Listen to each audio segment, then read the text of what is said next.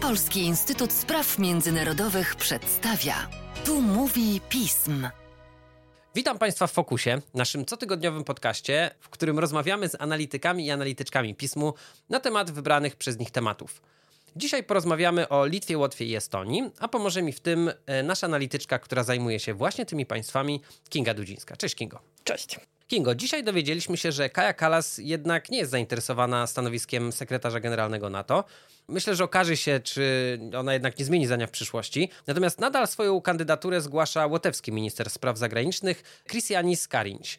Czy można nam powiedzieć, skąd bierze się takie zainteresowanie elity politycznej państw bałtyckich tym stanowiskiem? Ze zrozumiałych względów, mianowicie państwa bałtyckie to jest wschodnia flanka. Państwa, które zabiegają o wzmocnienie obecności NATO na swoim terenie i państwa, które zdecydowanie znajdują się od początku wojny na Ukrainie w awangardzie, jeśli chodzi o politykę wobec Rosji.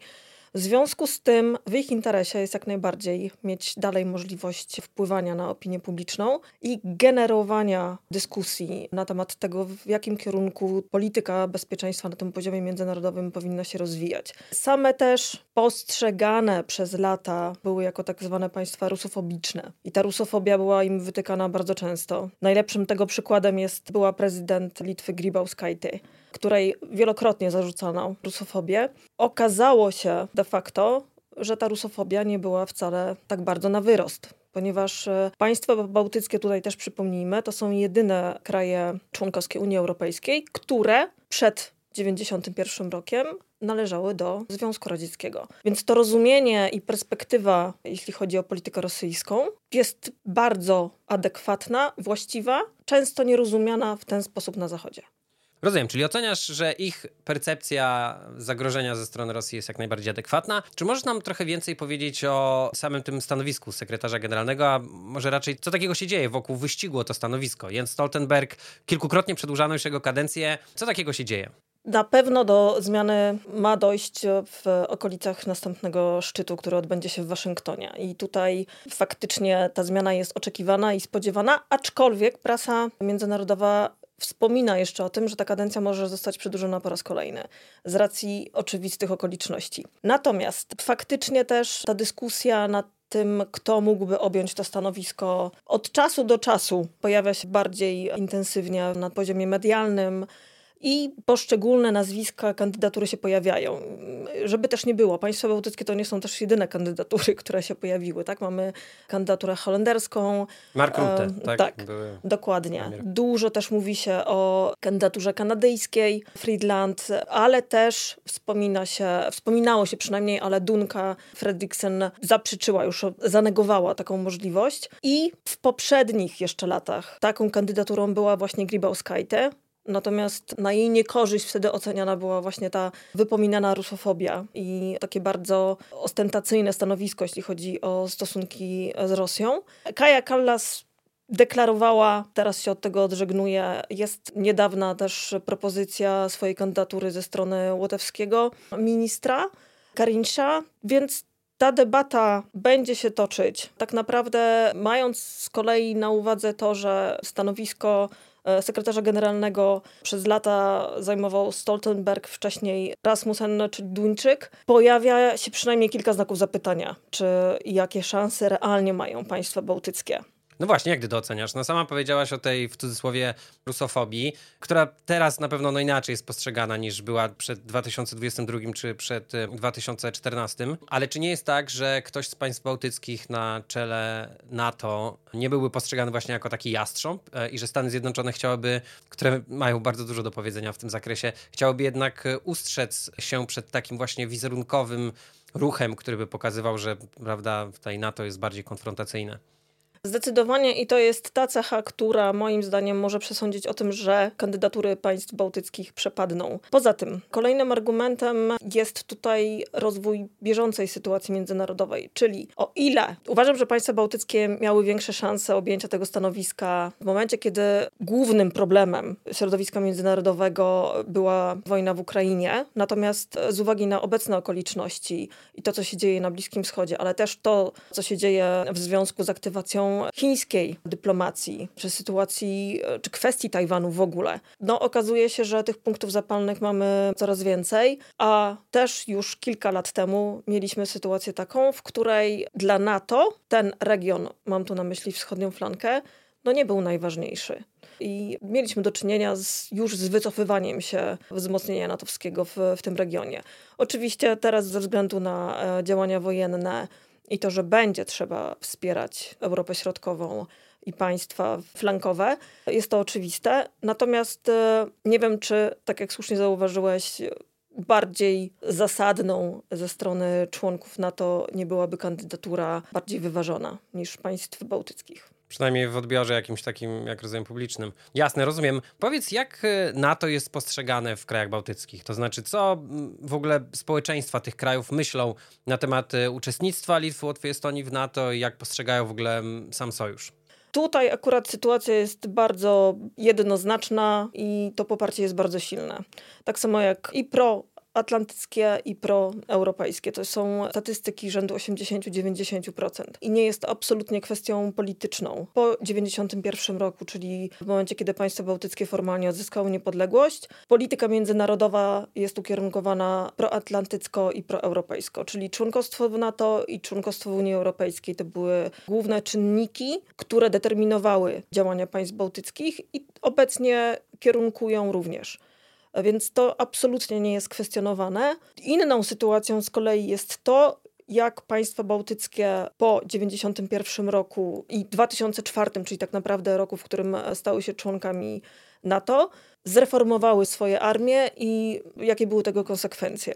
Czyli rozumiem, że kwestia przynależności do NATO to jest jakaś kwestia racji stanu, która co do zasady nie jest kwestionowana przez jakieś tam główne siły polityczne, ale to wyjaśnij nam proszę, jak ma się rzecz, jeśli chodzi o mniejszości rosyjskojęzyczne, bo przecież kraje bałtyckie to są państwa, w których tam mniejszość jest y, naprawdę spora. Szczególnie jest to przypadek Łotwy i Estonii, gdzie te mniejszości to jest tam około 25% całej populacji. Jak one się odnoszą do kwestii przynależności do NATO, czy może właśnie w ogóle też do tego stanowiska polityki zagranicznej odnośnie do, do Rosji? Bo też to jest może krzywdzące i, niesprawiedliwe, ale wydaje mi się, że takie stereotypowe podejście do tego tematu, że skoro to są mniejszości rosyjskojęzyczne plus w ogóle sami Rosjanie też tam, no to że oni będą się odnosili do tych kwestii inaczej. Czy tak rzeczywiście jest? Tutaj sprawa jest bardziej skomplikowana. To znaczy, absolutnie nie można ocenić e, tej sytuacji jednoznacznie i, i też absolutnie, o czym zawsze staram się mówić i, i staram się to podkreślać, czyli porównywanie na przykład mniejszości rosyjskojęzycznych w państwach bałtyckich a Rosjan mieszkających w Ukrainie, to są zupełnie inne przypadki ponieważ Rosjanie, czy mniejszość rosyjskojęzyczna w państwach bałtyckich, o ile faktycznie funkcjonuje przede wszystkim w pewnej bańce medialnej. I tutaj kolejnym wątkiem byłaby ewentualnie ta propaganda rosyjska, ponieważ te media rosyjskojęzyczne, szczególnie właśnie na Łotwie i w Estonii, są popularne i były robione badania, które to potwierdzają, że, że ci ludzie faktycznie funkcjonują i korzystają głównie z tych mediów rosyjskojęzycznych, w związku z czym są pod wpływem tej rosyjskiej propagandy, ale nie aż w takim stopniu, aby nie doceniać sytuacji, w której są, czyli mieszkają w państwach Unii Europejskiej. To, o ile jest oczywiście problem z polityką integracyjną, z tym, żeby ta integracja była efektywna i skuteczna. Mniejszość rosyjskojęzyczna, oprócz tego, że żyje w bańce medialnej, to faktycznie też funkcjonują jakby w swoim środowisku głównie ale to się też zmienia. Trzeba podkreślić to, że kolejne pokolenie już się wychowuje, czy na Łotwie, czy w Estonii. Państwa bałtyckie od lat 90. były poddawane ostrej krytyce, jeśli chodzi o politykę wobec mniejszości narodowych. Tutaj oczywiście szczególnie chodziło właśnie o mniejszość rosyjskojęzyczną i taką zapalną kwestią była edukacja i bariery, jeśli chodzi o rynek pracy, w których wymagano i wymaga się nadal znajomości języka łotewskiego, estońskiego czy litewskiego we wcześniejszym okresie. Efektem rosyjskiej agresji na Ukrainę jest to, że zarówno Łotwa, jak i Estonia reformują po raz kolejny system edukacji i możliwości kształcenia w języku rosyjskim e, są ograniczane. Podobnie ta polityka wobec Rosji jest e, ewidentnie zaostrzona i chociażby też informacja najnowsza, czyli państwa bałtyckie zastrzegły, że jeżeli na najbliższym spotkaniu ABWE będzie brał udział Ławrow ze strony rosyjskiej, to one bojkotują to spotkanie. Więc mamy kolejny dowód na to, że ta polityka jest bardzo konsekwentna i jednoznaczna. Nie ma tutaj miejsca na, na wyjątki. I wracając do wątku mniejszości rosyjskojęzycznej. To przepraszam, jeszcze zanim wrócisz, to tylko jak wspomniałeś o BWE, to może też warto dodać od razu, że rozmawiamy o krajach bałtyckich w instytucjach międzynarodowych, że właśnie jeżeli chodzi o BWE, to na czele tej organizacji miała również stanąć osoba z Estonii, na co się nie zgadzała Rosja, tak? Jest duża szansa, że ta kandydatura jednak nie przejdzie i tą kandydaturą taką kompromisową ma być ktoś z Malty, jeżeli dobrze pamiętam, prawda? Więc... Dokładnie. Też tutaj podkreślmy, skoro już mówimy o organizacjach międzynarodowych, o roli Estonii jako e, niestałego członka w Radzie Bezpieczeństwa. O to stara się obecnie też Łotwa, więc e, ten wątek... Radzie Bezpieczeństwa ONZ, może tak. warto dać. Tak. Ten wątek na pewno będzie się pojawiał i to będzie jeden z głównych elementów polityki państw bałtyckich na arenie międzynarodowej.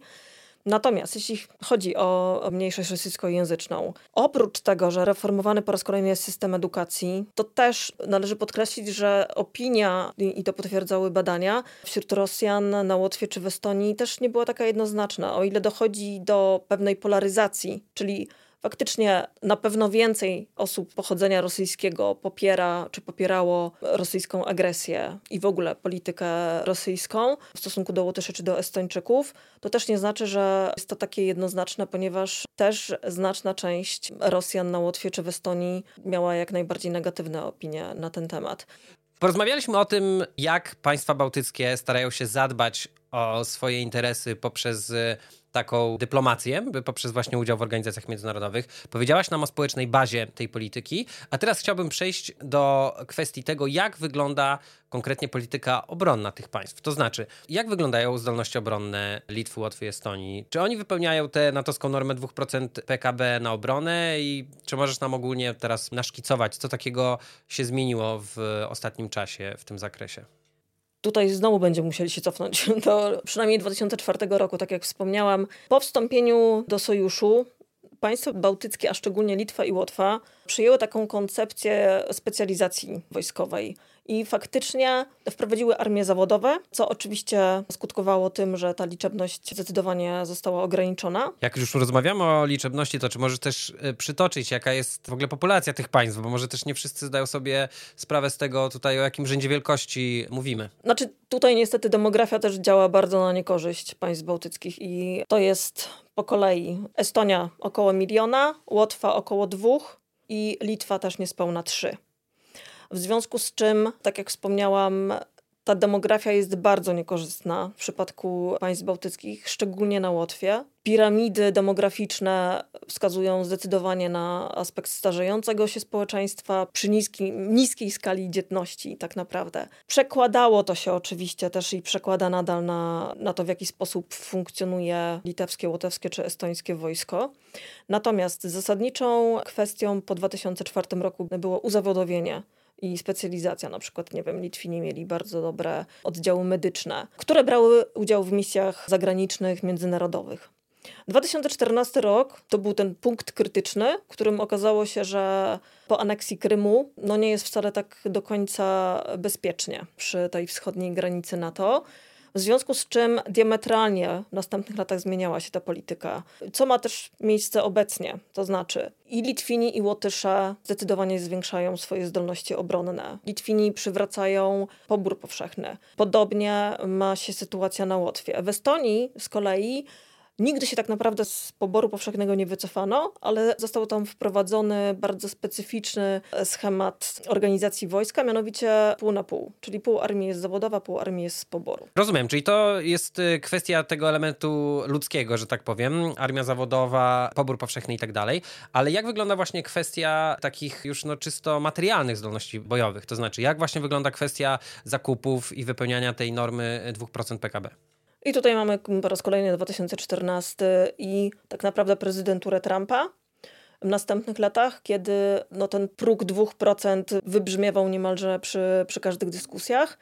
I Bałtowie tutaj się zreflektowali, ponieważ z jednej strony mają świadomość tego, że są małymi państwami, które niezbędnie potrzebują obecności NATO na swoim terenie i tych gwarancji natowskich, a z drugiej chciały być wiarygodnymi członkami NATO, w związku z czym w kolejnych latach, już w 2018 roku, tak naprawdę wszystkie państwa osiągnęły próg 2% i od 2018, a szczególnie od 2022 mamy tendencję dalszego zwiększania finansowania obrony. I do 2030 praktycznie we wszystkich państwach mówi się o 3%. Więc oczywiście nominalnie też możemy tutaj dyskutować, na ile jest to zwiększanie budżetu. Oczywiście, tak. 2% PKB państwa ludności, powiedzmy 2 miliony, to oczywiście nie. No ale wiadomo. Ale tak, siłą rzeczy jakby tak. formalnie jak najbardziej to wymaganie jest spełniane i państwa bałtyckie zbroją się i reformują swoją armię cały czas. Adaptują też tak naprawdę swoje strategie obronne, adaptują plany modernizacji armii i wojska. Na przykład Litwinom bardzo zależy na obecności takiej fizycznej i natychmiastowej niemalże, jeśli chodzi o wzmocnienie no, obecności sojuszu na, na ich terenie. A tutaj mam na myśli przede wszystkim przybycie niemieckich żołnierzy, ale żeby i tutaj też wyzwanie, które dotyczy wszystkich państw bałtyckich i trochę konsekwencja wcześniejszej polityki, jeśli chodzi o armię. Litwa musi w bardzo krótkim czasie zmodernizować swoją infrastrukturę, bo oprócz tego, że państwa bałtyckie się dozbrajają, to ogromnym problemem po uzawodowieniu armii okazała się podstawowa infrastruktura wojskowa. W związku z czym Litwini na przykład w najbliższy rok do dwóch skupiają się na rozbudowie swoich jednostek wojskowych, na takich bardzo podstawowych elementach, jak zapewnienie po prostu bazy dla przyszłych żołnierzy, którzy będą przebywali na ich terenie. Priorytetem obecnie też państw bałtyckich, które podpisały wspólną deklarację o tworzeniu wspólnej obrony przeciwpowietrznej, ponieważ obecnie przestrzeń powietrzna państw bałtyckich jest chroniona w ramach air policing natowskiego i wszelkiego rodzaju systemy wzmacniające obronę przeciwpowietrzną, systemy radarowe, to są też główne, główne zakupy na najbliższy czas. To na koniec chciałbym Cię zapytać o taką rzecz. Co myślisz o takiej interpretacji? Być może jest to nadinterpretacja z mojej strony, że państwa bałtyckie to są państwa, które mają świadomość tego, że może nie mają dużego potencjału ludnościowego albo ekonomicznego, więc postawili trochę, znaczy w oczywisty sposób też jest to przymus, że tak powiem, ich położenia geograficznego i nie tylko, ale postawiły po prostu na to obronność i że one próbują się w cudzysłowie tak sprzedać jako ci właśnie rzetelni, lojalni sojusznicy proatlantyccy i jakby z tego chcą być znani i te, ten wizerunek właśnie tego rodzaju państw chcą w jakiś sposób jeszcze umocnić właśnie starając się zdobyć ważne stanowiska w organizacjach międzynarodowych. Czy jak najbardziej Tutaj też państwa bałtyckie wyciągnęły lekcje z poprzednich lat i każde z nich próbuje budować swój PR na, na zasadzie pewnej specjalizacji. I tutaj mamy do czynienia na przykład Estonia, to jest cyberbezpieczeństwo. Litwa głównie podkreśla z kolei kwestie energetyczne. Łotysze zagrożenia hybrydowe na przykład. Więc są to też te zjawiska i te kwestie, które dotyczą właściwie, znaczy są dyskutowane teraz na poziomie międzynarodowym i mówiąc kolokwialnie, pewne skillsy, jeśli chodzi o państwa bałtyckie w tych konkretnych działaniach, są jak najbardziej mile widziane, czy w organizacjach międzynarodowych, czy chociażby we współpracy na forum unijnym. I tutaj też wspomnimy o ile państwa bałtyckie też popierają rozwój polityki bezpieczeństwa Unii Europejskiej, o tyle też traktują ją jednak jako uzupełniającą i komplementarną wobec NATO. Tak? To NATO to jest główny element stabilności i, i bezpieczeństwa, a za NATO stoją Stany Zjednoczone tak naprawdę, bo tutaj to jest może ten element, o którym powinnam wspomnieć jeszcze wcześniej, ponieważ tak naprawdę polityka wobec Stanów Zjednoczonych determinuje też tak de facto politykę bezpieczeństwa. Kingo, bardzo Ci dziękuję za rozmowę. Dzięki wielkie. W ten sposób kończymy dzisiejszy fokus. Serdecznie zapraszam Państwa do śledzenia pismu w mediach społecznościowych oraz do subskrybowania tego podcastu. Jesteśmy na wszystkich platformach podcastowych. Dziękuję Państwu za wysłuchanie tej rozmowy. Podcast wyprodukowała Natalia Radulska. Tu mówił pism.